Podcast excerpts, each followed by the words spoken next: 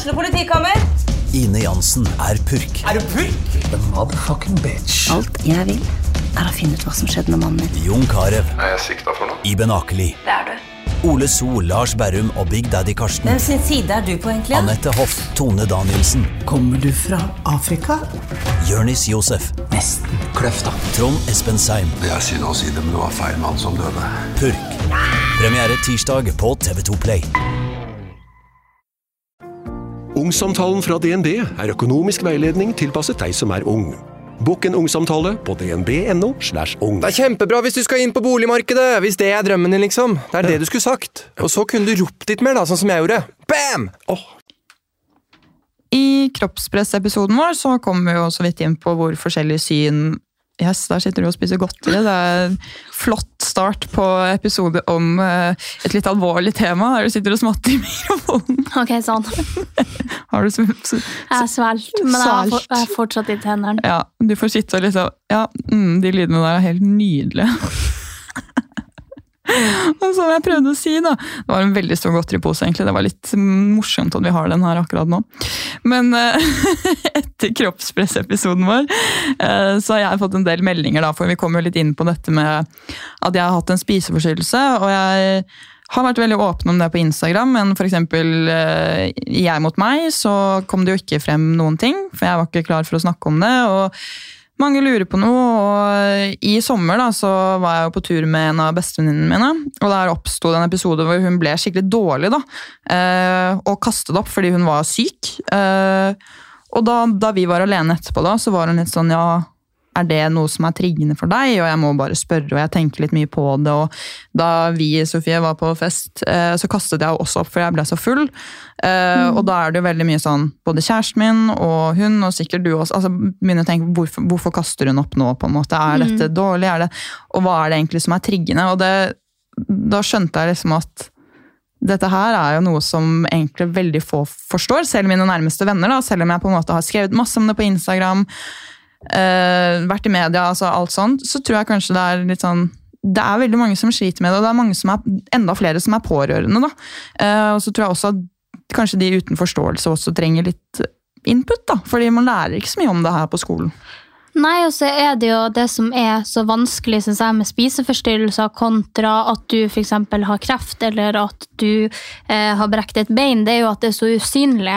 Så det er liksom Jeg syns det er så vanskelig fordi jeg vet jo sjøl at jeg putter på meg en maske når jeg syns ting er veldig vanskelig.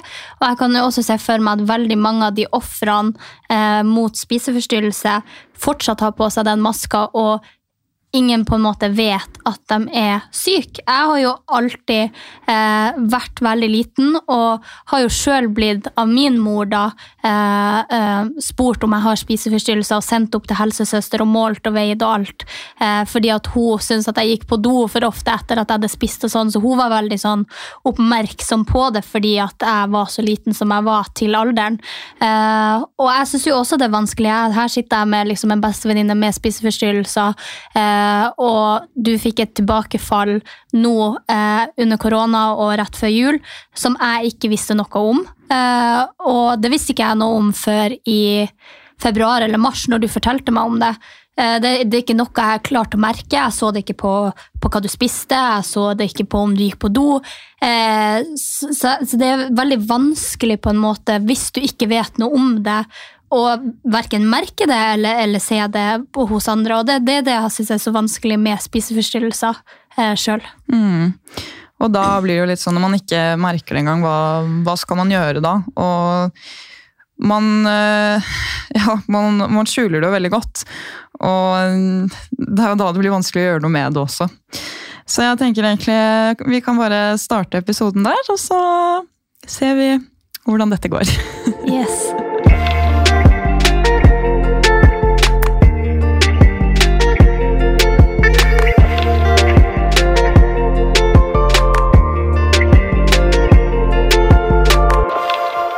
Ja, som eh, jeg sa tidligere, så eh, visste jo ikke jeg noe om eh, spiseforstyrrelsen din. Eh, og jeg har jo sjelden og aldri lest noe om bulimi, og det syns jeg egentlig er litt rart, fordi vi søkte opp spiseforstyrrelser, og hvor mange som hadde det, var vel rundt 50 000 kvinner eh, per dag. Altså, Til enhver tid. til enhver tid. I Norge. Eh, så da var det jo 18 000 av dem som har bulimi. Mm. Eh, og jeg har hørt veldig mye om anoreksi, og det var det bare noen tusen som hadde. Mm.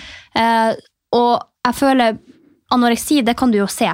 Eh, bulimi og overspising, det er jo veldig vanskelig da å legge merke til, for at du, dem som overspiser kanskje er litt større, da vil du på en måte ikke si det.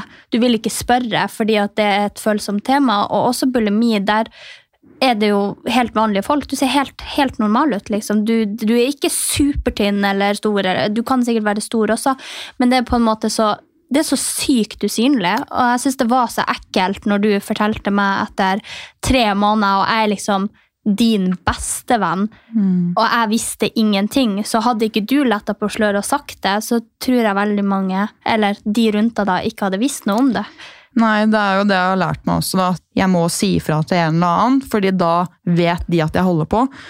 Og da skammer jeg på meg på en måte nok over den oppførselen til å på en måte prøve å ikke gjøre det mer, da. Fordi Nei, det er, åh, det er skikkelig vanskelig, fordi sånn som da jeg begynte å bli frisk, for eksempel, da, bare for å ta et lite stikk her, er jo at da begynte jeg å gå ned i vekt. Og det var da jeg fikk spørsmål om går det bra med deg. Ja, Er, er du syk? Er du liksom Og da var jeg sånn Og jeg husker jeg ble så sykt frustrert, fordi altså hver gang sånn Et veldig stort stressmoment for min spiseforstyrrelse da har jo vært når det nærmer seg tid. Altså ferie, bursdag, alt hvor man da skal se bra ut, eller en fest. Så altså det er jo en grunn til at jeg på en måte nesten går i oppløsning dagen på min feiring. For en måned før så har jeg på en måte prøvd å slanke meg så mye at jeg på en måte skal være syltynn. da. Og når jeg da kom i den bursdagen min etter jeg var ferdig med behandlingen min, så var det noen som var sånn Herregud, du har blitt så tynn. Hva er det du gjør for noe? Hva det du sånn? Og da var jeg bare sånn Jeg ble så sint for hele den greia, for da hadde jeg jo snakket om det, og jeg var bare sånn Nei, jeg har sluttet å kaste opp, og jeg har, jeg har sluttet med alt det der tullet der, og jeg vil veldig gjerne at ikke du kommenterer mer på kroppen min nå, for hvis det her hadde vært i fjor, da hadde jeg ikke spist noen ting resten av kvelden, liksom. Nei. Fordi da, da får du den inputen på at oi shit, nå gjør du noe riktig, oi shit, nå gjør du noe feil. Og det er, og det, er skikkelig vanskelig. Og bare den der at folk ble så bekymret over meg da, fordi at jeg hadde gått ned i vekt, og jeg var friskere enn det jeg hadde vært på lenge. Ja, sant, for der var det liksom en sånn seier, og så klarte noen å trekke deg ned. Og jeg kan jo kjenne følelsen av hvis du er sykt lykkelig over noe, og så klarer noen å rive deg ned, stille et kritiske spørsmål som får deg til å tenke oi, det var ikke så bra likevel. Men det som jeg tror, og som jeg tror sjukt mange sliter med, og det er også derfor jeg nevner det, det var jo, du fikk det tilbakefallet der, jeg visste ikke noe om det, det her var under korona. Eh, jeg kjente jo selv også at jeg, jeg var jo ikke, jeg var jo opp og ned i vekt som en jævla jojo i, i koronatida, fordi at jeg lå på sofaen og bare hadde ja, en like stor godteripose som det her, og chips og alt. Jeg bare kosa meg og lå på sofaen, og man var ikke i aktivitet, for treningssentrene var nedlagt. Eh, så det var også derfor jeg fikk jo en liten sånn klikk på story når du hadde fortalt meg det her, for jeg visste ikke noe om det. Det var sånn backlash. Jeg hadde ingen anelse om at Anja på en måte sleit med det fortsatt. Og da ble jeg så sur at jeg bare sånn skrev jo en post. Den var jo selvfølgelig ikke gjennomtenkt og rett fra levra. Og med lese- og skrivevansker og ikke Altså, jeg tror jo at alle forstår hva jeg mener. Så skrev jeg en post da, eh, om at eh, nå syns jeg det var nok. Eh, korona var ikke det viktigste i verden. og det var jo også fordi at jeg visste at du sleit med spiseforstyrrelser, du hadde fått tilbakefall, eh, du fikk ikke lov å trene, og du hadde ikke rutiner på jobb. Du hadde, og det er jo det som med spiseforstyrrelser, det er jo veldig lett å komme tilbake hvis du har rutinene. Men hvor lett er det da når du mister alle, spiser masse og ikke kan trene? Da, det, det, altså, det er jo dømt å gå til helvete. Så det jeg skrev på min story, da, det var jo at det var ikke det viktigste i verden, og at eh, jeg synes at i Norge her nå så har vi nok penger, og vi har nok kapasitet til å gjøre noe med det her. Og jeg mente også at hvis du tar tiltak som å ta bort trening og ta bort eh, jobbene til folk, så må du også ha tiltak for å hjelpe de folkene som faller altså faller behind. Og det tenker jeg at Norge var Norges altså vi er, så, vi er så rike, vi har så mye, vi har så mye kunnskap, vi har så mye ressurser, at vi da liksom lot dere da, eh, som, som liksom ble syke, bare renne imellom de her sprinklene. Det ble jeg sjukt fortvilt og sur over, så jeg skrev jo denne posten der. Du var jo ikke enig med meg. og bare sånn, å nei, nå har alle misforstått. Det var jo en tidligere eh, Ex on the Beach-deltaker også som la ut at jeg var helt dum i hodet, og hvordan kunne jeg mene noe sånt her. Og det syns jo jeg også var veldig rart, fordi at jeg prøvde jo på en måte å beskytte deg som hadde, liksom, hadde det vanskelig, og så visste jeg jo også at denne Ex on the Beach-deltakeren har jo også slitt med spiseforstyrrelser, så jeg klarte jo ikke å skjønne hvorfor ikke denne personen da skjønte hva jeg mente med den posten. Uh, så nei, jeg syns, spiseforstyrrelser er veldig vanskelig, og jeg syns jeg synes det å ordlegge meg riktig jeg, jeg merker jo nå, jeg må tenke liksom ti ganger gjennom hva jeg sier og hvordan jeg sier det. Og det er jo fordi at jeg har ikke slitt med noe sånt. Så for meg er det liksom ikke triggende å si visse ting. Eh, og det har vi jo også merka i pod-episoden, at ting jeg har sagt, har faktisk trigga folk. Og det er jo fordi at folk som sliter, også hører på. Eh, og kan jo bli lettere trigga av ting som jeg i det hele tatt ikke tenker over. Eh, så, så jeg syns absolutt på en måte at vi skulle hatt mer kunnskap om spiseforstyrrelser når det er såpass mange som sliter med det, for da hadde man jo også visst hvordan man skal balansere seg, hva man skal si, hva man ikke skal si, som vi også har vært inne på tidligere.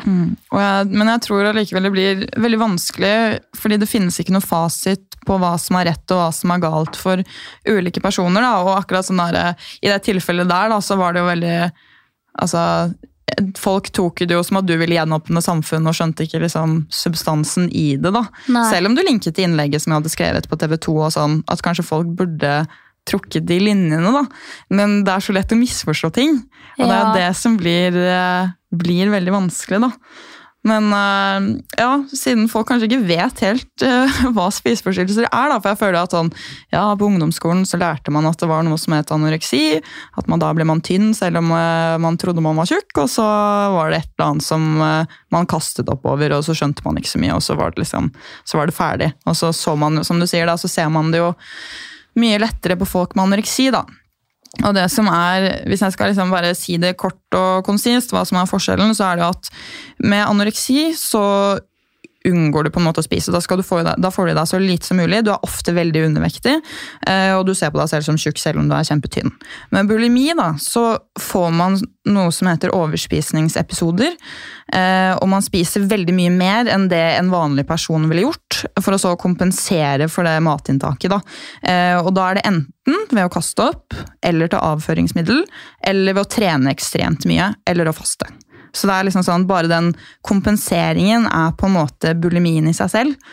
Eh, og så har man på en måte en tredje spiseforstyrrelse som har kommet mer de siste årene, og som man har avdekket, da, fordi man har ikke skjønt at det har vært en lidelse. Eh, og det er overspisningslidelse. Og det er det samme som bulimi, bare uten den handlingen som fører til den kompensasjonen da, for mat. Fordi for øh, anoreksi og bulimi så er det dette her sinnssyke fokus på kropp og utseende. Eh, som trigger alle disse følelsene og gjør at du føler skam.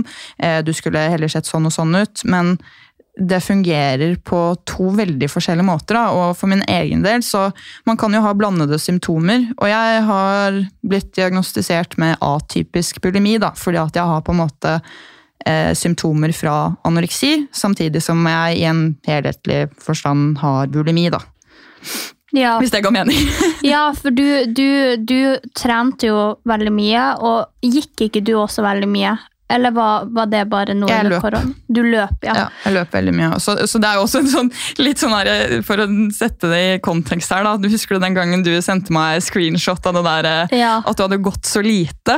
Ja. Og jeg bare i fly forbanna sånn her svar og var så sur for at du kunne liksom skrive noe sånn. Og bare sånn her, og det var jo ikke noe sånn, jeg sier jo ikke at jeg reagerer sånn fordi at jeg føler da at jeg må kompensere. Og i tillegg så hadde jeg jo sett feil. Ja, det var, det var, jeg hadde gått 93 skritt en dag, eller noe sånt. Jeg vet ikke om det var 900 skritt på en hel dag, og klokka var liksom 11 på kvelden. Så sa jeg til Anja jeg må ut og gå en tur, for det, det, det her er for lite skritt. liksom. Jeg hadde så vidt rørt på meg. Og hun klikka. Hun bare 'Det der er mye mer enn jeg har, og det kan ikke du si.' Og jeg bare «Øh, med, Hæ? Har du gått mindre enn 900? Jeg skjønte liksom ikke og så, Det var jo også før jeg visste at, at jeg hadde tilbakefall. Ja. men da sa jo du det. Ja. Så jeg tror det var det som utløste det, at du klikka, og så skjønte ikke jeg helt hvorfor, og så sa du bare at du, jeg har faktisk hadde tilbakefall, Ja. og jeg leste feil, men det kan Fordi jeg leste på gjennomsnitt på dag, og da var det jo sånn 9000 skritt eller et eller annet. ikke Ikke sant? sant. Og jeg var bare sånn derre og, jeg og da ble jeg sånn igjen, så, og da tenker jeg rett til de baner. Nå begynner du å få spiseforstyrrelse. Nå må jeg leve opp til dette. Jeg, hvis hun syns det er for dårlig, hvis jeg skal se ut som Sofie, så må jeg gjøre ikke sant? Den spiseforstyrrelseshjernen blir jo helt gæren. ikke sant? Ja. Og da er det det at jeg klikker på noe som altså I det tilfellet da, så var det jo ikke riktig. Nei. Men da blir det sånn at jeg bare Alle klørne ut Men med jeg, en og jeg skjønte jo det, så jeg var jo bare sånn Å, herregud, jeg, det, det var ikke meninga i det hele tatt. Og, fordi at jeg snakka jo veldig mye om gåing, men det var jo fordi at jeg aldri har hatt en passion for å røre på meg. Eller sånn, jeg, Ja, jeg drar én til to timer på sats liksom så og så mange ganger i uka, men det er jo for å løfte, eh, altså løfte jern, og det elsker jeg jo å gjøre. Det, jo, det elsker jeg jo, liksom. Men jeg har aldri hatt noe for cardio, aldri hatt noe for springing eller aldri hatt noe for gåing. Men så, fi, så fikk jeg bare sånn, når jeg satt inne så mye under korona, så var det bare sånn For min egen del så sa jeg sånn her Nå skal jeg 10 000 skritt om dagen, og det er jo fordi at jeg jobber hjemmefra. Sitter hjemme. Eh, altså Alt jeg gjorde, var liksom hjemme, og jeg hadde ikke lyst til å ligge så mye i ro, så det var jo overhodet ikke noe sånn her overgåing. Det var jo bare de, de aller fleste etter en tur på jobb har jo ca. 7000-8000 skritt, men sånn, jeg rører meg jo ikke. Nei. Så det var egentlig bare for å Og uansett så er jo det kjempesunt. Ja. Det Alle burde gått liksom, 10 000 skritt om dagen. Men, Det er anbefalt. ja, og, men det blir som en sånn ære, fordi lillebroren min, som er PT, da, anbefalte meg en sånn app som man kunne telle kalorier på. Det var liksom midt oppi der. Han visste liksom ikke helt at jeg hadde tilbakefall heller. Men eh, hun jeg bodde med på den tiden, var sånn, med en gang jeg begynte å snakke om appen, så var hun sånn Det får du faktisk ikke lov til å gjøre. Fordi en ting er at det kan fungere for på en måte, i hermetegn normale mennesker, og på en måte som et regnestykke og et budsjett. da, Her putter jeg kaloriene mine sånn og sånn. Men for en med spiseforstyrrelser så blir det det derre hekta på tallene, du skal ha mindre og mindre.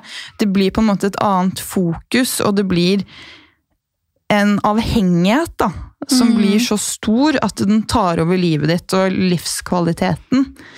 Uh, så det er rart, fordi for, for deg så kan du kanskje ha jeg må gå 10 000 skritt om dagen, men hvis jeg begynner å ha disse målene, da, så er det plutselig, så øker det, og så blir det sånn, og så kan det være triggende for at jeg har det målet, så er det triggende for at da må jeg spise sånn og sånn, og da må jeg spise mindre og mindre, og så blir det triggende på et annet punkt, og til slutt så tar det over hele livet, da, hvis det gir mening.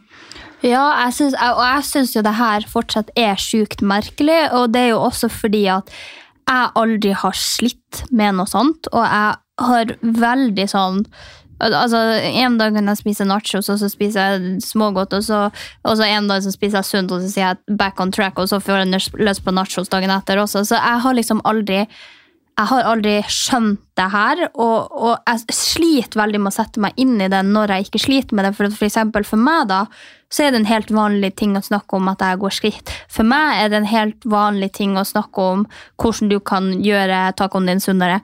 Eh, for meg er det liksom bare sånn Og det, det syns jeg også er så vanskelig, da, fordi at du vet jo ikke hvem som sliter. Plutselig forsnakker du deg til noen som faktisk sliter veldig mye og er akkurat oppe i den perioden, og det vil man jo heller ikke gjøre. Så jeg er på mange måter blitt mye mer bevisst, men sånn som eksempel det der gåinga, da. Jeg hadde jo ikke ant, jeg hadde jo ikke snøring, jeg kunne ikke tenkt meg i min villeste fantasi at det kunne trigge noen. Så det det er bare Jeg syns det er eh, altfor lite snakk om, selvfølgelig, men så må jeg også pointe inn, som jeg også har sagt til deg, eh, selv om du er bestevenninna mi, så er det at jeg føler at den som sliter med noe, eh, skal man selvfølgelig respektere, men så må man jo også respektere dem som er friske. At eh, på en måte Det blir veldig vanskelig å sette seg inn og være i en spiseforstyrrelse hvis du ikke er der sjøl. Eh, så det blir veldig vanskelig å leve som en med spiseforstyrrelse og tenke på alt de tenker på, fordi at det er jo en sykdom. Mm. sånn at det, ja, jeg syns både ja og nei at det er vanskelig. Jeg syns det var veldig lett når du sier til meg konstruktivt hva som ikke skal gjøres, og hva du helst ikke snakker om. Og jeg tror ikke, vi har ikke hatt det, det var det eneste med det der skrittet en gang, og så tror jeg tror ikke vi har hatt noe særlig mer enn det. Så var det jo den bilturen, men det var jo det var jo, jeg var jo veldig bevisst på at jeg kanskje ikke skulle snakke om det. Eh, men ja, som du sier, det er veldig mange misforståelser. Men jeg lurer ganske mye på, for jeg har ikke stilt så mange spørsmål til deg. eh, om spiseforstyrrelsen, for på en måte når jeg møtte deg, så var du jo frisk. Eh, og så fikk du jo tilbakefallet ditt. Og jeg har en del spørsmål som jeg også liksom stiller fra mitt perspektiv der jeg er frisk, fordi at da kanskje det er lettere for dem som hører på også å se det på folk rundt seg, eller ha forståelse for det. Eh, så lurer jeg litt på hvordan du eh, altså Hvordan kom du deg til det å bli syk? Hva, hva var det som skjedde? Hvilken periode var det? Og hva det var som utløste den spiseforstyrrelsen? Er det noe du alltid har tenkt på? Nei, altså jeg har egentlig hatt et veldig fint forhold til mat. Sånn, fordi jeg var veldig tynn naturlig, eh, og spiste det jeg ville og var veldig mye aktivitet. Eh, Jeg fikk jo angst da jeg var eh, sånn rundt 12-13 og begynte hos BUP. Altså barne- og ungdomspsykiatrisk helsetjeneste, eller hva det står for. Eh, og der så ble jeg jo målt da på BMI, hvor jeg var undervektig. Eh, og da fikk hun meg til å begynne å skrive opp alt jeg spiste. fordi hun, var jo, Som en psykolog så ser man jo undervektig, et undervektig barn, og så tror man at de har spiseforstyrrelse på en måte, og skal sjekke det. da, Så jeg ble veldig sånn, måtte skrive ned alt jeg spiste hver dag, og det gjorde at jeg ble veldig sånn obs på ting. Eh, og så skjedde jo alltid det her med jentene på skolen. Det var liksom denne store mobbesaken, og jeg var, hadde så lite selvtillit, og jeg hadde det så vondt. Og det virket ikke som at noen så at jeg hadde det vondt, så på et tidspunkt på ungdomsskolen så vet jeg at jeg på en måte jeg begynte å kaste mat. jeg ville på en måte, Men da var fokuset at jeg ville bli Det høres helt sykt ut å si det, men jeg ville bli tynn for at folk skulle se at jeg hadde det vondt. da. Så det hadde på en måte ikke fått noe ordentlig rot, altså feste, da. Eh, før liksom Og da Jeg pleier å liksom For jeg snakket jo om dette her med en venninne på tur nå i sommer, om hvordan liksom alt dette hadde startet. Og det er på en måte to episoder som skiller seg veldig her. og det er da jeg på en måte i tiende klasse plutselig så fikk jeg aksept, da, en av alle disse jentene som hadde vært helt jævlige. Eh, vi var på fotballavslutning, og plutselig så snakket folk til meg. De ville ta bilder med meg. det var på en måte sånn, Ting var veldig hyggelig. Eh, og så har det alltid vært sånn at jeg spiser mye, og jeg er tynn. Det er sjukt, på en måte. Sånn som sikkert deg også. da, sånn, Du kan spise godteri, og du er kjempetynn, liksom. Eh, så det var, Vi hadde bestilt sånn Oreo Dream, husker du det, på Peppes før. Sånn Ja. skikkelig stor dessert. Som da nesten ingen klarte å spise opp, mens jeg hadde spist opp min. Og så var det hun ved siden av meg da, som var litt sånn åh, herregud, jeg orker ikke mer, vil du spise opp resten? Så var jeg sånn, ja. Og så syntes jo alle dette her var så sjukt, da, at jeg liksom klarte å spise alt det her. Og, Ja, for det er jo ganske mektig også. Ja, ja, det det, må jo, det må man jo bare si. For ja, én ting er å spise opp en hel dessert, det klarer jeg også å gjøre. Men o, altså, o, den Oreo-dreamen der, det er så mektig. Det er veldig mektig, og da tror jeg at det på en måte var et punkt for meg som var så sykt sånn At det var litt kult. Ja, og det var veldig det var aksept da, fra noen jeg ikke hadde fått aksept fra på mange år. Og på en måte sånn min billett inn, da. Så jeg var sånn ja, ja, ja, kjør de dessertene ned til meg, liksom. Og alle syntes det var så gøy, og liksom alle, plutselig så var all oppmerksomheten på meg, da. Og for første gang sånn Ja, siden ting på en måte startet å bli helt grusomt, så følte jeg plutselig sånn Shit, nå, nå ser de meg. Eh, og jeg liksom fortsatte, jeg tror jeg spiste liksom fem stykker ekstra liksom, av sånn halve. da. Og jeg var så kvalm og var så dårlig, og da begynte den tanken igjen å komme sånn Nå kommer du til å legge på deg. Og det var liksom første gangen jeg gikk på do på Peppes og på en måte prøvde å kaste opp. da.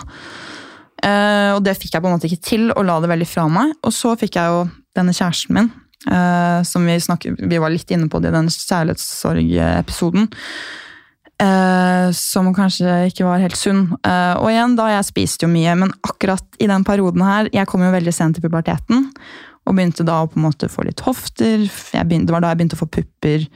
Da jeg var liksom på videregående. Uh, og han syntes også det var veldig spesielt at jeg spiste såpass mye som jeg gjorde, Uh, uten å legge på meg. Og han sa veldig ofte det til meg, at uh, når jeg bikket 20, så kom jeg til å bli overvektig. Da kom jeg til å bli tjukk, fordi at jeg spiste såpass mye, og da kom forbrenningen min til å avta. Så han sådde på en måte sånn frø da, i hjernen min, og han, han kunne også kjøpe inn på en måte en sjokoladeplate, som han da, en sånn 200 grams, som han liksom la frem på bordet. Og jeg vet ikke om han gjorde dette bevisst, eller ikke, men jeg har liksom følt i ettertid at det har vært bevisst, da, for han har gjort veldig mye mer, som har vært ganske ja, som han kanskje ikke skal gjøre mot kjæresten sin. Men da rørte han jo ikke den, og i løpet av en kveld så, så spiser jo på en måte Man kan få til å spise en 200 grams sjokoladeplate, men da var det veldig sånn Herregud, så sjukt at du har spist hele den. Herregud, det der er helt vanvittig. Så det der, du kommer til å bli så tjukk, liksom. Jeg ble fortalt det hele tiden hver gang det var lørdag og vi spiste noe. Og jeg fikk liksom kommentarer på at shit, armene dine er tjukke, og liksom de ble studert opp mot lyset og var sånn her, ja herregud, du må begynne å trene. Og, og jeg var jo jeg var jo tynn. Jeg har sett bilder. Ja. Men når på en måte den eneste personen i livet ditt som du føler at du får aksept fra, sier disse tingene, i tillegg som, til at du på en måte ikke har noe selvtillit, og liksom ing- altså, du har mistet så mye av den aksepten, da, så ble det veldig sånn For meg så var det på en måte kropp og utseende som gjorde at man ble eller at jeg kunne bli akseptert. da. Det var det som var viktig. Og da jeg dro på språkreise i California, så møtte jeg plutselig jenter og gutter fra hele verden, og da ble jeg på en måte introdusert til kalorier, da.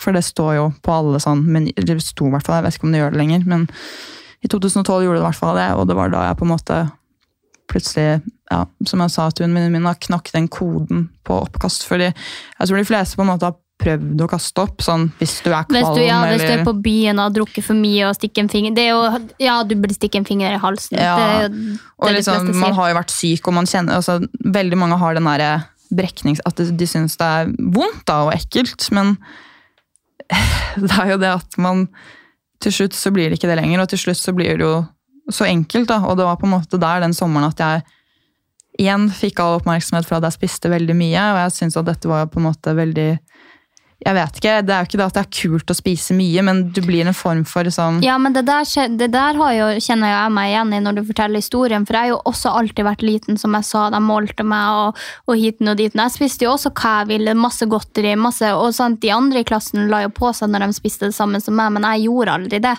Jeg var masse i aktivitet, og, og jeg vet ikke om man kan si høy forbrenning. Folk sier at man ikke Ja, kan si det, det- men jeg ja. tror, jeg tror faktisk at man kan ha høyere forbrenning. Eh, og eh, sant, det, det er jo Folk sier sånn her Å, herregud, hadde jeg spist det der, det hadde jeg aldri kunnet. Og, og herregud, du er så urettferdig at du kan spise så mye og aldri legge på deg. Så, så jeg hadde jo også samme som, sånn som deg. Mm, og jeg tror bare at når man får beskjed om hvor mye man spiser, eller i hvert fall jeg i den perioden fikk liksom sånn, jeg ble litt sånn, ja da skal jeg spise enda mer, fordi folk sier det, men så gikk jeg jo og kastet opp til slutt også, når jeg fant ut av liksom den metoden da, fordi det er veldig vanskelig å kaste opp mat. Og altså sånn, jo mer man gjør det, eh, jo enklere blir det jo på en måte, og det er jo det som er, jeg har jo vært inn og ut av sykehus og tatt både koloskopi og gastroskopi og rektoskopi og alt, for jeg har så mye problemer med magen og sånn, men den flappen min, som eh, på en måte er over magesekken, så er det et eller annet sånn i det røret der som skal liksom sørge for at magesyre ikke kommer opp. da. Den er jo blitt eh, helt ødelagt. Jeg får veldig mye Sur oppstøt, og jeg kan jo bare lene meg fremover, så spyr jeg egentlig. Hvis jeg har spist akkurat. Fordi det er, det er ikke noe motstand der lenger. Jeg har ødelagt hele halsen min. Ja, men når, når du begynte å spy eh, Fordi at jeg høres jo ut som en gammel mann Nei. på 40 år. Altså, det er så høyt at det, ljomer i bygget når jeg spyr. Hadde du det, eller hadde du bare sånn? For jeg har en venninne som bare Du hører ikke at hun spyr. Nei. Det er bare sånn rett i posen, sånn bare Og så, så er hun ferdig, liksom. Ja, altså, de første gangene så hører man jo de Man, man brekker seg jo, man får jo den derre Ja, for det er den jeg får. Ja, Men til slutt så lærer du deg såpass mye å kontrollere de brekningene, da. Og det er jo det som blir problemet, fordi for å kunne kaste opp så mye fordi det her ble jo verre og verre da jeg kom hjem. ikke sant? Og det var jo det som er greia, at når du kaster opp, da, si at du har spist dritmye og så kaster du opp, så vil jo også kroppen bli fortere sulten igjen. Så det stimulerer jo til enda mer overspisning. Og så vil du bli tynn oppi der. Så det, så mitt sånn for, forløp i løpet av en dag da var jo veldig sånn Jeg faster, faster, faster, prøver å spise så lite som mulig, lite som mulig fordi at jeg skal gå ned i vekt. Typ, altså, som en anorektiker ville gjøre. Og så ble du kjempesulten. Og så blir man kjempesulten og overspiser. Man spiser til man får vondt i magen. Man får dritdårlig samvittighet og tenker nå kommer jeg til å bli tjukk. nå kommer jeg til å bli tjukk. Og det er helt jævlig. Og så kaster du opp. Og så blir du jo sulten igjen på kvelden, og da spiser du jo mer. Og da spiser da, da Tingen er at Og det var jo veldig Jeg trodde at jeg var gæren. Fordi jeg har alltid følt at jeg går inn i en transe som er sånn Jeg får ikke stoppet. Det er ikke jeg, liksom. Det er kroppen min som bare dytter og dytter og dytter i seg mat.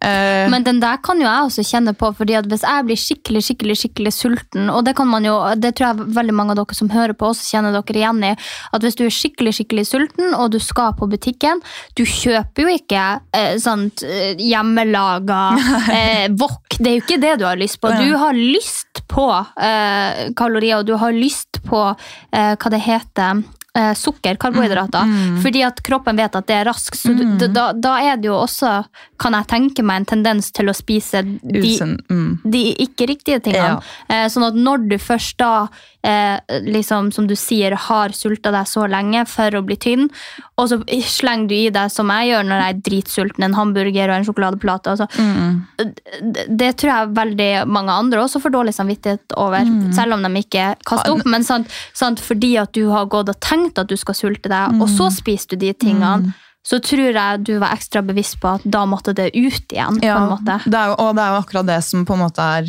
grunnen i hele sykdommen, at man skal kompensere for det man putter i seg. Eh, men samtidig da, det som også gjør det litt sånn For det handler ikke nødvendigvis bare om det å bli tynn, men altså et, slags, et sånn her rituale, da, for å sette det i hermetegn, er veldig følelsesregulerende. Man blir veldig tom. Og det er jo det jeg også ser. De største triggerne mine er på en måte ikke snakk om mat eller snakk om altså oppkast, da, som venninnen min trodde.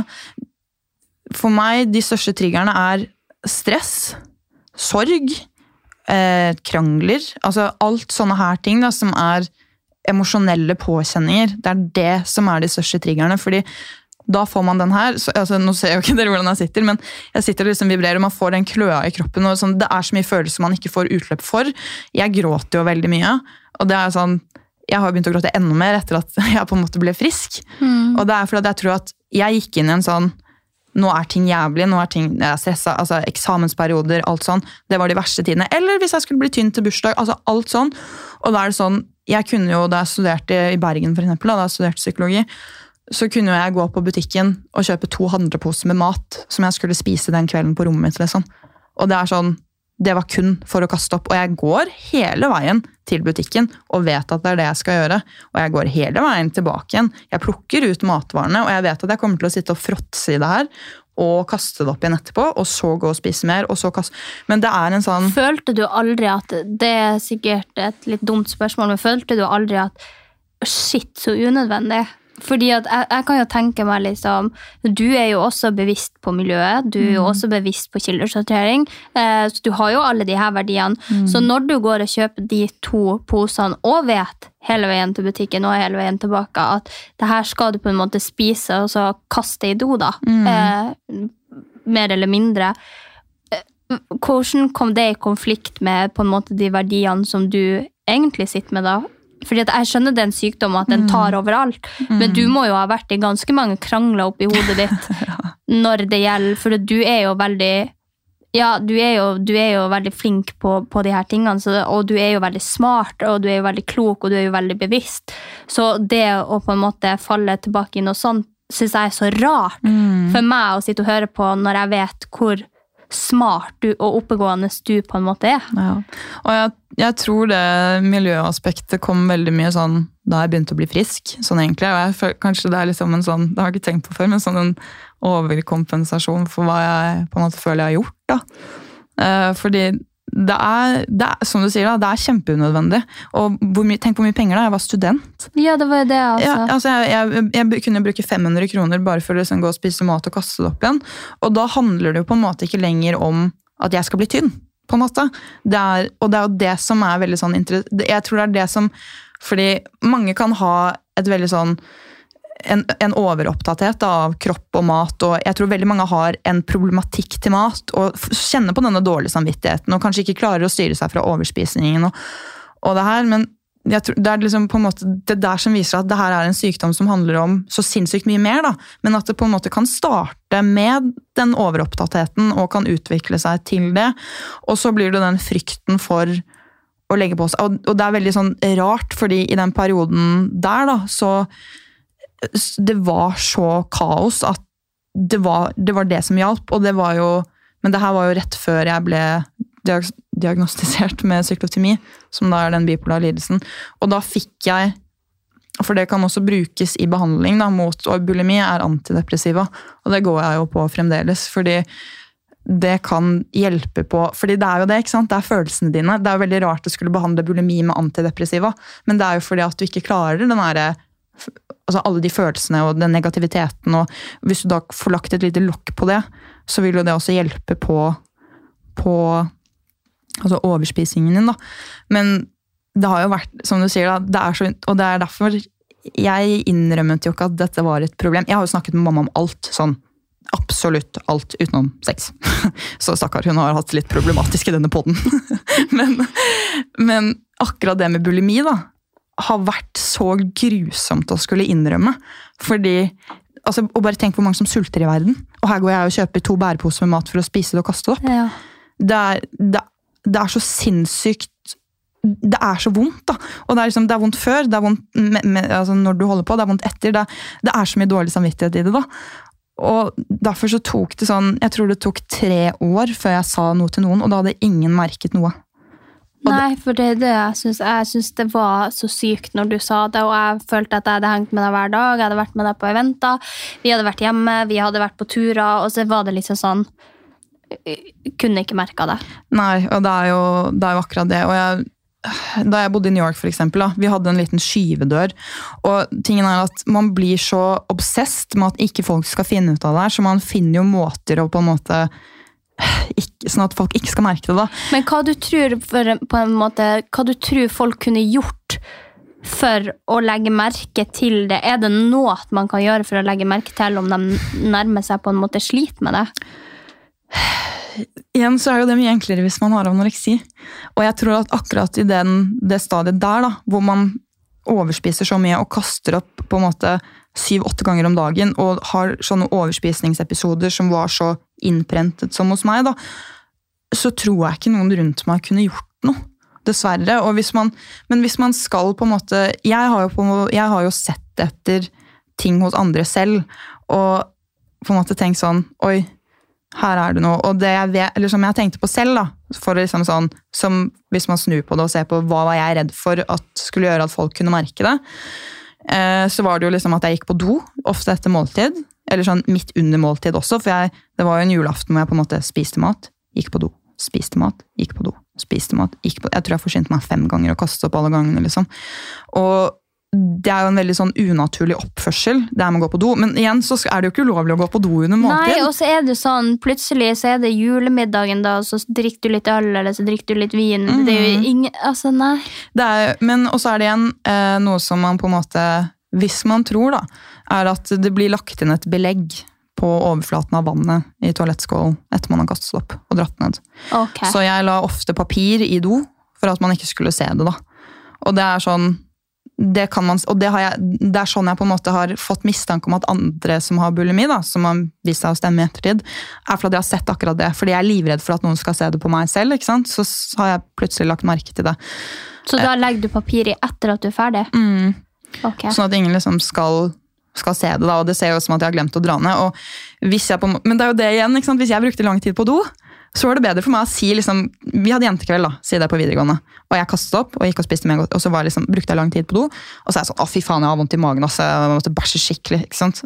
Er, hvis, noe- hvis jeg sier det altså, at Tenk at det er bedre å si liksom, til Ja, jentegjengen ja, din enn nå, å når kaste du, opp. når, nå, nå når du sa at du la papir i så det skulle se ut som du ikke hadde trukket ned, det syns jeg er ti ganger så flaut. Liksom. ja, nei, altså sånn, Ikke at jeg ikke har trukket ned, men at du bare det ser, for at man, Da pleier jeg å late som jeg snyter meg, da, ikke sant? og så er det liksom, har jeg kastet den i ett, jeg er ferdig på do. Så du ser jo ikke at det er noe annet der, men det er liksom Man blir helt gæren. Man tror at alle legger merke til sånne ting, og det gjør man jo ikke. Og jeg sto jo Mamma og stefaren min har jo rom ved siden av toalettet hjemme. Og i for, fordi jeg, Selv om jeg kastet opp veldig lydløs, så var jeg jo livredd for at de skulle høre det. Så jeg tok jo med Rema 1000-bæreposer opp på soverommet mitt og satt på gulvet og kastet opp i bæreposer og gikk ut og gravde det ned i skogen. I skogen? Ja. Du kasta ikke det i søppel? Nei, nei, nei. Da kunne de funnet det. ikke sant? Så jeg gikk ut og liksom ordna det i skogen midt på natta. Åh, Og det er liksom så gæren man blir, da. Og jeg hadde jo det seneste sånn tilfellet som Da ventet jeg på, på plass, da. På denne her, for jeg har gått til noe som heter CBD-behandling eh, på DPS-en i Bergen. Ja. Og da var vi på Ikea, jeg og min ekskjæreste og bestevenninnen min, da, som vet veldig godt at jeg sliter med det her. Og da luktet det så sykt godt med en kanelbolle. Vi har flyttet til et nytt sted, jeg trenger nye ting, jeg skal starte på en ny skole og jeg ikke kjenner noen ting. Stress, stress, stress, stress, stress, ikke sant? Lukter kanelbolle, er dritsulten. Skal gå og kjøpe en kanelbolle på Ikea, 30 kroner. Ja, for 30 kroner på Ikea så får du ti kanelboller, ikke sant? Ingen andre som har lyst på enn meg. Og det, det her er så grusomt, da. Men jeg vet, altså uansett hvor sykt det høres ut, så visste jeg Jeg satt der med den posen, ikke sant? hadde spist tre stykker, og vi skulle begynne å bære inn ting. Og jeg visste at hvis jeg kaster denne her i søpla nå, så kommer jeg, uansett om jeg da tømmer ut kanelbollene i søpla, så kommer jeg, når da kjæresten min har sovnet, til å gå og plukke opp de fra søpla for å spise de, for å så kaste opp. liksom. Så jeg krøllet sammen den posen her med kanelboller, stappet den innunder setet i bilen til venninnen min, pakket ut av tingene og gikk, sa ingenting. Sånn at hun kunne kjøre av sted med det, så ikke jeg skulle få tak i det. så jeg kunne spise det og kaste det opp. Oi. Jeg forventa en historie om at du da lurte deg med deg inn. Nei, nei. Jeg, fordi at jeg ikke ville. ikke sant? Jeg visste hva at hvis jeg kaster det her i søpla, så kommer jeg uansett til å spise det. Så lite kontroll hadde jeg da. Så jeg måtte jo sende melding til henne noen dager etterpå bare He-he, du. Det ligger en eh, sammenklemt pose med kanelsnurrer i bilen din fordi jeg ikke skulle spise det. Åh. Og det er sånn her kan du le Men, av nå. ja, men, der, men den der har jo jeg nå, men jeg får jo ikke dårlig samvittighet etterpå. det er jo det som er, Men jeg har liksom sånn Jeg har fått en sånn syk greie for Smash i fryseren. Og så Ja. liker jeg Nei, ikke Smash. Sånn der um, Kvikk Lunsj-sjokolade. Ja, ja, ja, Og så syns jeg ikke vanlig Kvikk Lunsj er god, men så syns jeg den der svære plata er god. Og så er det bare sånn, så legger jeg den i fryseren, og jeg klarer jo ikke å ta igjen. Så jeg spiser jo hele plata. Så, men, jeg, men jeg får jo ikke dårlig samvittighet etterpå. Jeg tenker det går seg noe til. Og det er jo akkurat det, og det er jo der tankegangen min har endret seg også etter det programmet jeg var på, at det er lov å spise en 200 grams melkesjokoladeplate, og du legger ikke på deg fem kilo på en kveld. Nei. Og så er det jo også det der med at hvis du tar sunne valg ellers i uka, la oss si at du har spist vokta, og så har du gått på trening tre ganger i uka, så er det jo ikke noe farlig for en 25-åring å spise en, plate altså en plate sjokolade. Eh, det, det er jo mer det her. Jeg er jo veldig opptatt av å holde meg sunn, og det er jo ikke fordi at jeg har spiseforstyrrelser, eller sånn, men det er fordi at kroppen føles bedre, jeg funker bedre, jeg føler at jeg får utløp for mye mer energi. Jeg får, ja, jeg får det jeg trenger. Liksom, jeg får sunt hår og sunne negler. Jeg li- liker den livsstilen, og det er helt ok. Eh, men så er jeg jo også veldig glad i å unne meg ting, og jeg har jo også en syk obsession for battery eh, med masse sukker, og det har jo folk prøvd å få meg til å slutte med i år og dager, men jeg, jeg bare klarer ikke, for at jeg er så glad i det. Så er det én ting jeg unner meg, selv om jeg spiser sunt på andre ting, så er det faktisk den der tønna med batteri om dagen. Og det er det jeg tenker, altså livet skal være balansert, og man skal kunne spise godteri, og man skal kunne spise sunt, men jeg tror at den drømmeverden som jeg kanskje levde litt i også da, i starten på den utviklingen her, er at jeg ville spise alt usunt. Jeg ville spise alt, jeg ville spise så mye, og liksom, og det går faktisk ikke hvis man skal ha en sunn kropp da. Nei. Og det er jo det som blir vanskelig enn å skulle på en måte Altså det skillet der mellom sunt eller usunt, og på en måte hva skal man si til noen som overspiser? Fordi man kan heller ikke gå og si 'nå blir du tjukk', fordi da kan det ende i en spiseforstyrrelse. Eh, man skal ikke være altfor sunn, fordi da kan det hende at man har et forstyrret syn på det. så det er jo sånn, For folk da, som ser at du spiser sunt, og ikke ser de andre tingene, så kan jo de også tro at du er spiseforstyrret. ikke sant? Det er jo Ja. en kjempevanskelig problematikk. Ja, det er jo det, men, men jeg føler også at jeg legger veldig ofte ut av en batteritønne. Jeg legger veldig ofte ut av for Det er du veldig flink til. Ja, jeg legger ut av chips, jeg legger ut av det meste. Jeg legger ut av en, en svær ost med hoppbakke når jeg spiser ost og kjeks for meg sjøl. Så jeg føler at jeg, jeg er veldig god på det å vise at jeg også ikke er 100 Ja. sunn. Men jeg lurer litt på, eh, for nå har vi jo veldig snakka veldig mye om det å få det, hva Mm. det er. Eh, og det er jo tydeligvis ikke veldig lett å se det, men hvordan, hva var liksom veien til å bli frisk? For obviously så er jo veien Det første er jo å si det til noen. Mm. Eh, for da har du på en måte, Da har du sagt at du Innrømmet har et, du har Mm. innrømmet at du har et problem. Eh, så hva var liksom greia der? Hva, hvordan kom du deg på den veien, og var den lang? Og, og hvordan har du det på en måte i dag? Den var veldig lang. Og det er jo som du sier at du må jo, når du sier det til noen andre, så må du jo innrømme det for deg selv. Og det var jo veldig sånn, jeg var veldig sånn Nei, jeg, har ikke bulimi. Jeg bare kaster opp litt middag her og der. Ja. At man blir veldig sånn, man rettferdig Nei, nei, men nå var jeg kvalm. Nei, nei, nå, ikke sant? Man rettferdiggjør det veldig for seg selv. Men som sagt så sa jeg det jo til mamma etter sånn Jeg husker ikke nøyaktig, men sånn to-tre år i hvert fall. da. Eh, Sånn rett etter videregående eller siste år eller noe sånt. Og jeg har jo som sagt, siden, siden jeg fikk angst da jeg var så liten, så har jeg jo jevnlig gått til psykiatere, psykologer, helsesøster. Jeg har vært i sånn healing-terapi, og jeg har vært i så mye greier. ikke sant? Men ingenting funket, funket liksom da, for den spiseforstyrrelsen. Og jeg tror at det var fordi at jeg var ikke helt klar for å gjøre noe med det. Gi slipp på den. Ja, fordi at det som er tingen, er at eh, Sånn som jeg også leste i stad, så er det Altså, for en vanlig person uten anoreksi, så er et liv med anoreksi det er veldig sånn uforståelig, man kan ikke se for deg. Mens for en med anoreksi så kan du ikke se for seg et liv uten spiseforstyrrelsen. på en måte, Fordi det blir en del av identiteten din, nesten. Og det er som det derre Jeg snakket om den bløtkaka i en eller annen episode med hvor mye som går til ting. og det er jo det altså Hele livet ditt dreier seg plutselig om mat, utseende og vekt. Eh, så det blir veldig vanskelig å skulle skru på den. Og da bare snakke om en spiseforstyrrelse, det hjalp meg ingenting.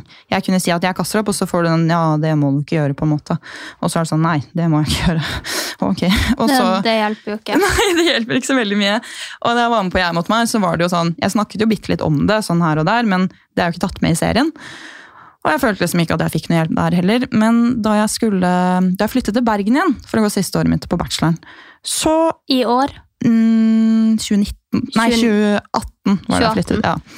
Så da ville jeg veldig gjerne tilbake til behandleren jeg hadde hatt da jeg bodde der flere år tidligere, da, i 2015. Og det fikk jeg, og da var hun sånn med en gang sånn Jeg kan ikke hjelpe deg mer her. Eh, og det må noen med altså spesialitet innenfor spiseforstyrrelser gjøre. Og det var en veldig sånn Oi, finnes det folk med det? Jeg er jo fra Gol. Altså, der har man psykolog. Og det er det. Det er ikke noen som har så veldig mye annen utdanning rundt. Altså, sånn, det, jeg tror det er veldig vanskelig å bli frisk på steder som ikke har så mange tilbud. da. Nei. Men da ble jeg i hvert fall henvist på samme DPS, da det er et sånt stort senter i Bergen, eh, til en psykiatrisk helsesøster som hadde et program som heter CBTE. Og det er kognitiv atferdsterapi eh, for spiseforstyrrelser. Som er basert på en bok og en forsker. Eh, og det var veldig sånn Jeg tenkte at liksom, ja, ja, dette her kommer til å bli veldig mye av det samme. Men det var et helt annet behandlingsløp enn det jeg er vant til. Sånn Å gå en gang i uka, så vet man ikke helt hva man skal snakke om. og så sånn, Kommer du dit, og så har du egentlig ikke den vanskelige dagen i dag. Altså det er veldig, jeg tror veldig mange som har vært hos psykologer, har opplevd den der følelsen at shit, nå sitter du og venter om og vet egentlig ikke helt hva du skal snakke om, og så kommer helgen, og så gråter du deg altså? Da blir plutselig alt ille, og så vet du ikke hva du skal snakke om når du er psykolog. Så dette her var på en måte Da var jeg der to ganger i uken, og så en gang i uken. I, det var et veldig sånn intensivt løp på 20 uker, hvor jeg da fikk fysiske oppgaver. da. Og det er jo plutselig en helomvending. Og da ble på en måte hele livet mitt satt litt på pause. Fordi jeg tok jo bacheloren min det samme halvåret, og jeg var jo ute på ting og sånn. Men for å snu en så inngrodd tankegang, for da kan du tenke at da jeg begynte å kaste på ordentlig, var i ja, 2012. Mm. Og dette var i 2000, 2019, da. Det var i januar 2019 jeg begynte på den her. Ja. Så er det veldig mange år med samme, samme tankegang, da. Du har på en måte, Det blir en del av deg, og å snu det da er ekstremt vanskelig, og det skal veldig mye til, da. Så den behandlingen der var Altså, jeg ble utfordret på så sjukt mange måter. og Jeg har jo annet ikke klart å veie meg. Sånn, det har jo vært noe av det verste jeg har visst om sånn, på legekontor. og Bare snakke om vekt sånn har jo vært helt grusomt. Så å bare skulle gå på en vekt var jo helt traumatiserende. For jeg ville ikke inn... Altså, sånn, det var helt grusomt. da. Jeg husker at jeg liksom, ok, nå skal jeg opp på vekta, det er første time og sånn. Og det bare rant med tårer. Altså, Jeg, jeg hikstet og hylgråt. Jeg visste ikke hvordan jeg skulle reagere. For jeg hadde jo ikke sett vekten min på sikkert to-tre år. da. Og det var, det var helt grusomt, men da ble det sånn Dette er vi nødt til å gjøre, fordi det takler du ikke. Så det ble veldig sånn, Og jeg måtte planlegge når jeg skulle spise, hva jeg skulle spise. Eh, I leiligheten vår i Bergen så måtte vi henge opp tepper og skjule alle speil. Fordi man blir så kroppsfiksert da, at man ser seg i speilet hele tiden. Jeg fikk ikke lov til å kjenne, fordi det gjør man også veldig ofte når man er helt sånn er overopptatt av kropp og vekt og utseende. Du, du klyper veldig mye, kjenner veldig mye. sånn, har ja, men du, det kan jeg også faktisk gjøre Ja, av og til. Og det var bare sånn Sjupp! Det er ikke lov. Det får du ikke lov til. Og min eks da var også veldig flink til å passe på hvis han så at jeg satt sånn, så er det sånn nei. Og du må liksom hm, du må tvinge deg selv til å ikke gjøre de tingene som får deg inn i den tankegangen. Da, fordi det er så mange små brikker som til sammen utgjør hele det puslespillet av den kropp, kroppsfikseringen og tanken på mat. da. Jeg klemmer, jeg må spise mindre. Jeg ser meg i speilet, jeg må spise mindre. Får dårlig samvittighet for at du ikke spiser mindre. Altså, ikke sant? Skjønner, du? det, er en, det er en sånn sort spiral. da. Og alle de oppgavene der gjorde jo til slutt at da jeg var ferdig, så var det sånn Hva skal jeg gjøre nå? Ja, det var veldig sånn Da hadde jeg blitt bedre, da. Og det er jo, det er jo 20 uker som det var hovedfokus, og jeg kunne jo ikke Jeg måtte ha, altså Sofie, jeg var på få Jeg måtte jo ha med meg bananer overalt, fordi jeg måtte spise hver tredje time. Altså, Kan du se for deg eller? at jeg kommer der dritpynta, skal på party, og så har jeg på meg en sånn rumpete med bananer. Ja, jeg har bananer, fordi at jeg må ha én til den tredje timen, en til den tredje timen, en på vors og en på kløben. Så, Men det er jo jækla smart. ja, men det er smart, ja. Og, men da satt jeg der, og så måtte jeg sitte opp med liksom, papir og penn, for jeg måtte levere inn fysiske ark da, hver, sånn, hver gang jeg var på time, med hva jeg hadde spist og klokken hadde spist, om jeg hadde klart å liksom, planlegge det ordentlig. da. Så da satt jeg på vors, spiste banan, skrev på ark og liksom pakket sammen. En jævla jobb, men det var så sjukt verdt det. Det var Ja. helt eh, Nei. Fordi at jeg møtte jo deg, eh, men da var du kanskje bare på besøk i Bergen. Ja, det var, eh, ja, det var jo den eh, perioden der. Ja, for det var i 2019. Ja, det var, eh, Litt mars 2019. Ja, det var eh, rett når Paradise hadde startet, Ja. tror jeg. Når du var med, den sesongen din. Ja, Så det var første gangen jeg så deg, og så så jeg deg jo ikke igjen før i november det året. Mm. Sånn at da har jo på en måte Da var jo akkurat du på en måte gått de ukene, da, egentlig. Hvis du begynte Jeg begynte i januar, og så var jeg ferdig i juni. Ja. Ja, så du, ja, så du var i programmet faktisk når jeg møtte deg. Jeg hadde deg. sikkert med en banan under armen da jeg møtte deg. Det var bare. kanskje derfor Melina sto og tenkte oh, oh, oh, oh. Husker du det? Om jeg husker det, det er faktisk så sykt morsomt. Det var den der apesangen som var helt ja. Det, det skjønte ikke jeg av. Jeg bare Om Elina er gæren, da er sikkert venninna gæren. Ha det. Nei, det var veldig, veldig bra. Så ja, så gikk jo tiden, og man klarer å holde på de rutinene, og da møtte jo jeg deg, og så ble vi venner, Ja. og så hadde jeg det veldig fint, og så kom korona, og da forsvant de rutinene jeg trengte. Ja, Men er du, er du bra i dag? Er du 100% bra i dag, eller er, sliter du fortsatt med det? Jeg var jo mye verre i rundt juletider, og da jeg snakket med deg om det, jeg ble jo på en måte, jeg fikk jo magesår og ble innlagt. Men eh, det er veldig opp og ned, for å være helt ærlig, og det er veldig, jeg merker veldig sånn, sånn som jeg for, husker at vi snakket om at jeg var så glad for at jeg kunne være på fest med deg, og du så så bra ut, og det liksom gjorde ikke meg noen ting.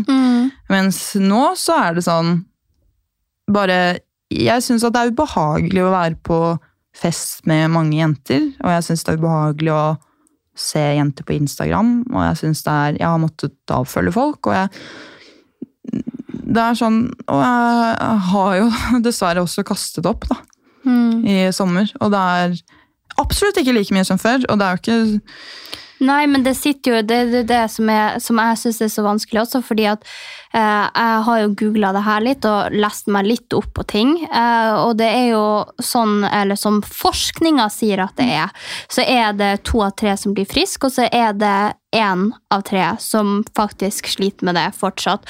Og det er ikke det at de er på den plassen de var i det sykelige, men de er fortsatt opptatt av de tingene, og de er, det blir tilbakefall, og det blir kanskje kastet kaster du opp én gang om dagen kontra 20 ganger om dagen. Altså At de fortsatt har de vanene og sliter med de tingene som de har gjort. Og, og så sier du jo da at korona kom, og du fikk det tilbakefallet. Så eh, ja, det kan ha vært verre da, men det, fordi at du sa aldri at du ble frisk, og da var jeg litt sånn hm, Kanskje hun faktisk fortsatt på en måte sliter med det. Ja, og det er jo det som er litt vanskelig også, fordi jeg sammenligner jo alt med på en måte mine verste perioder. da. Men det jeg syns er vanskeligst nå, er jo på en måte ikke mm, Altså Det er jo på en måte ikke maten i seg selv, men det er nok mer kropp og sammenligning, da. Og det der, eh, og så plutselig så er det sommer, og så føler man seg ikke vel. og sånn det er Ja, man blir plutselig en sånn Jeg blir jo en annen versjon av meg selv igjen, da.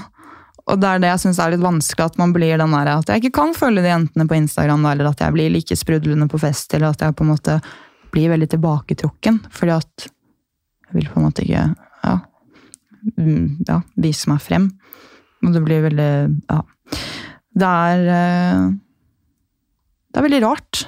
Det er veldig Ja, rart. og så er det, jeg synes også, liksom, som jeg har sagt tidligere, som synes du er så flott, så blir det så vanskelig for, også for meg eh, å skjønne at noen som deg kan slite med det. Og det, det her snakka vi jo om tidligere, for du nevnte i en episode at jeg hadde opp mot idealkroppen, og så dyssa jeg det ned og bare sånn Nei, eh, jeg syns jeg har en helt normal kropp. Og det er jo fordi at som du eh, ser på noen andre og setter deg opp imot dem og tenker ting om deg sjøl, sånn gjør jo jeg også med folk som jeg syns har en bedre kropp eller større rumpe eller smalere midje. Så jeg tror alle, og uten å, å, å høres drastisk ut, så tror jeg faktisk nesten alle eh, har ting med seg sjøl som de ikke er fornøyd med, og som de ser hos noen andre, som, som de syns ser perfekt ut.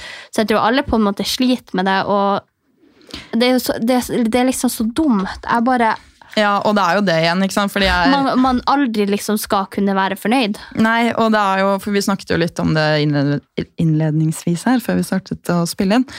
Det her med liksom body positivism-greia, det med influenser Amalie Olsen, da, som har blitt, fått litt kritikk for at hun har brukt den hashtagen og sånn.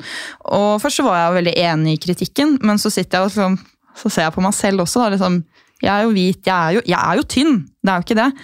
Men skal jeg da på en måte ikke få lov til å ha de problemene jeg har, Ja, da? føle deg dårlig. Ja, fordi, og det blir jo det samme med deg også, fordi jeg kan jo liksom ha vært veldig bastant i min tenkning også for eksempel om deg, da, For jeg setter deg høyt oppe på en pidestall og tenker at du er perfekt, mens og da, Jeg har sikkert følt på det også, det jeg føler ikke at du har lov da, til å være misfornøyd, fordi at jeg syns at du ser så bra ut.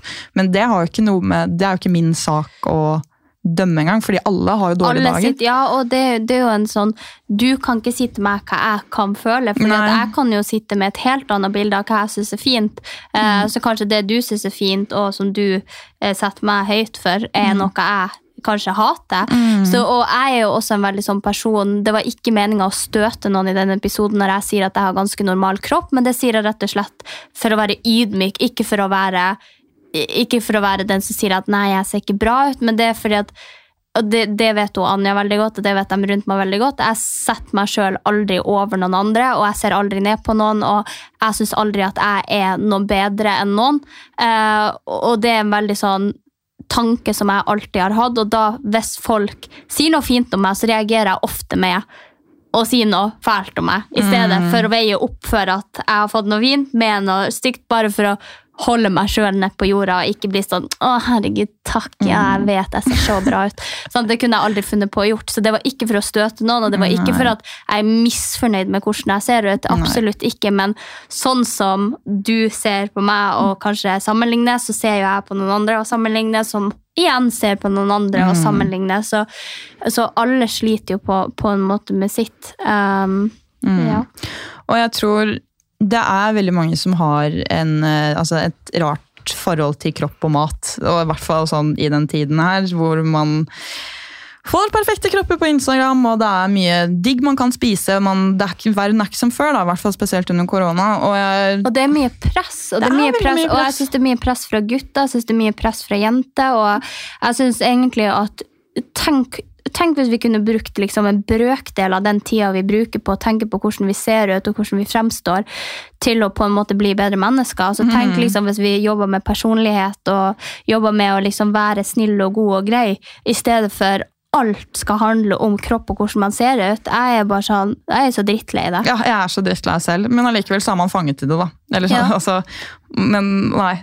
Det er Åh, nei. eh, vi må lese en bok istedenfor å tenke på kroppen. Ass. Ja, det, det, vi har så mange andre ting vi kan fokusere tida vår på. Og vi vil bare si i denne episoden at eh, hvis det er noen som føler seg på en måte krenka av det vi sier, så er det ikke meninga. Nå snakker jeg og Anja åpent om det fra hvert vårt perspektiv, og hvis det er noen som sliter med det, så skal de vel gjerne eh, slippe å høre på denne episoden. Eh, og så hvis dere har lyst til å droppe inn i innboksen vår med, med kanskje hvordan dere har, opp, har opplevd møte med en spiseforstyrrelse, eller eh, opplevd møte med noen som har spiseforstyrrelser, så gjerne send inn til oss. Eh, det er så mye forskjellig, og jeg vil gjerne lese meg opp, og det tror jeg og Anja vil også. Eh, så har vi gått litt sånn røft gjennom eh, temaet her, og veldig mange har lurt på det her med Anja og hva hun har gått igjennom, for vi har snakka om det en del ganger, men ikke gått inn i dypet på det.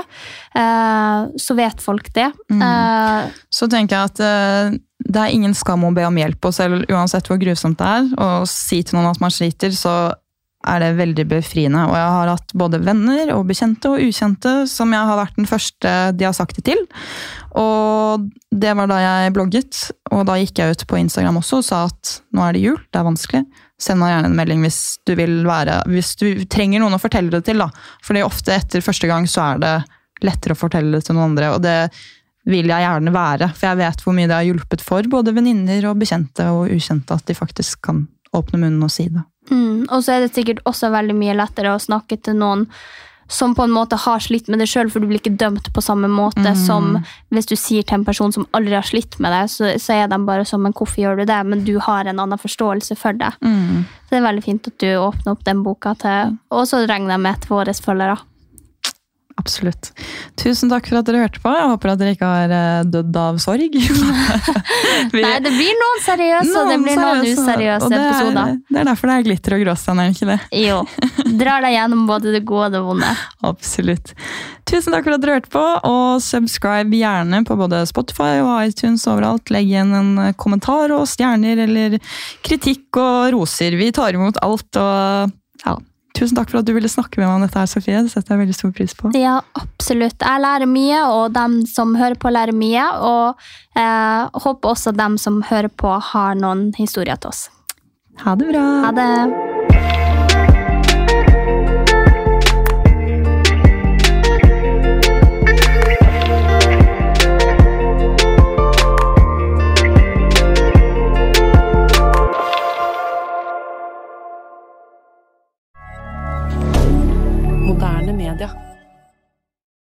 Har du et enkeltpersonforetak eller en liten bedrift? Da er du sikkert lei av å høre meg snakke om hvor enkelt det er med kvitteringer og bilag i fiken, så vi eh, gir oss her, vi. Fordi vi liker enkelt. Fiken superenkelt regnskap.